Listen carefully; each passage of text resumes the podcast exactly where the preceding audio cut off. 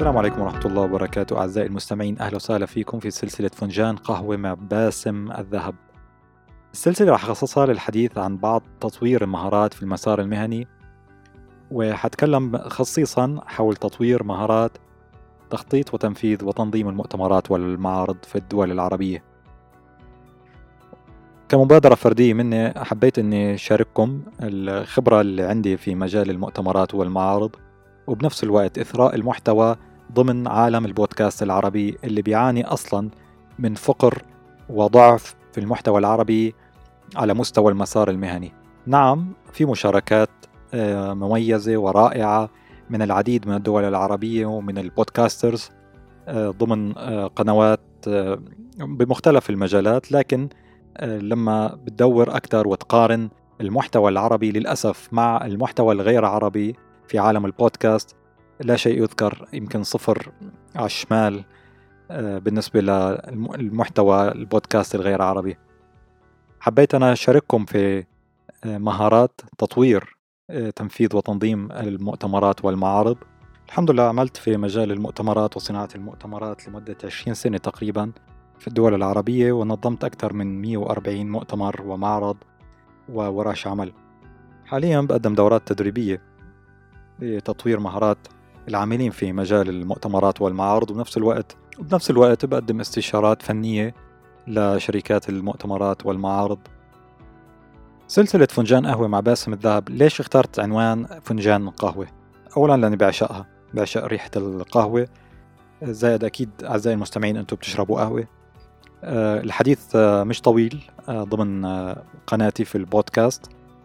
قدر الإمكان حشارك خبرتي وتجربتي في مجال المؤتمرات والمعارض لعل المستمعين إن شاء الله يستفيدوا من الخبرة وبجانبهم فنجان قهوة. الهدف السلسلة كمان أنه مشاركتكم بعدة مجالات أخرى بجانب موضوع المؤتمرات والمعارض. بالنسبة للحلقات المسجلة لتطوير مهارات تنظيم المؤتمرات حيتخللها لقاءات مع عدة موردين بارزين.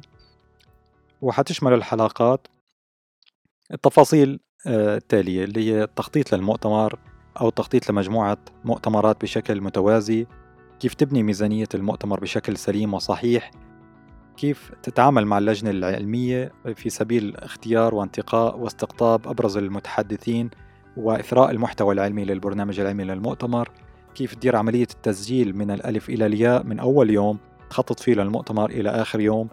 التسويق والترويج شو هي الوسائل والأدوات اللي لازم توفرها عندك أو عند فريق العمل للنجاح بعملية التسويق والترويج واستقطاب آه، كل الجهات اللي ممكن تشارك معك في المؤتمر الرعاية والمعرض كيف ممكن أنك تحقق النجاح فيها ومكان إقامة المؤتمر كيف العناصر ما هي العناصر اللي لازم تختارها لحتى تختار المكان الصحيح لإنجاح المؤتمر.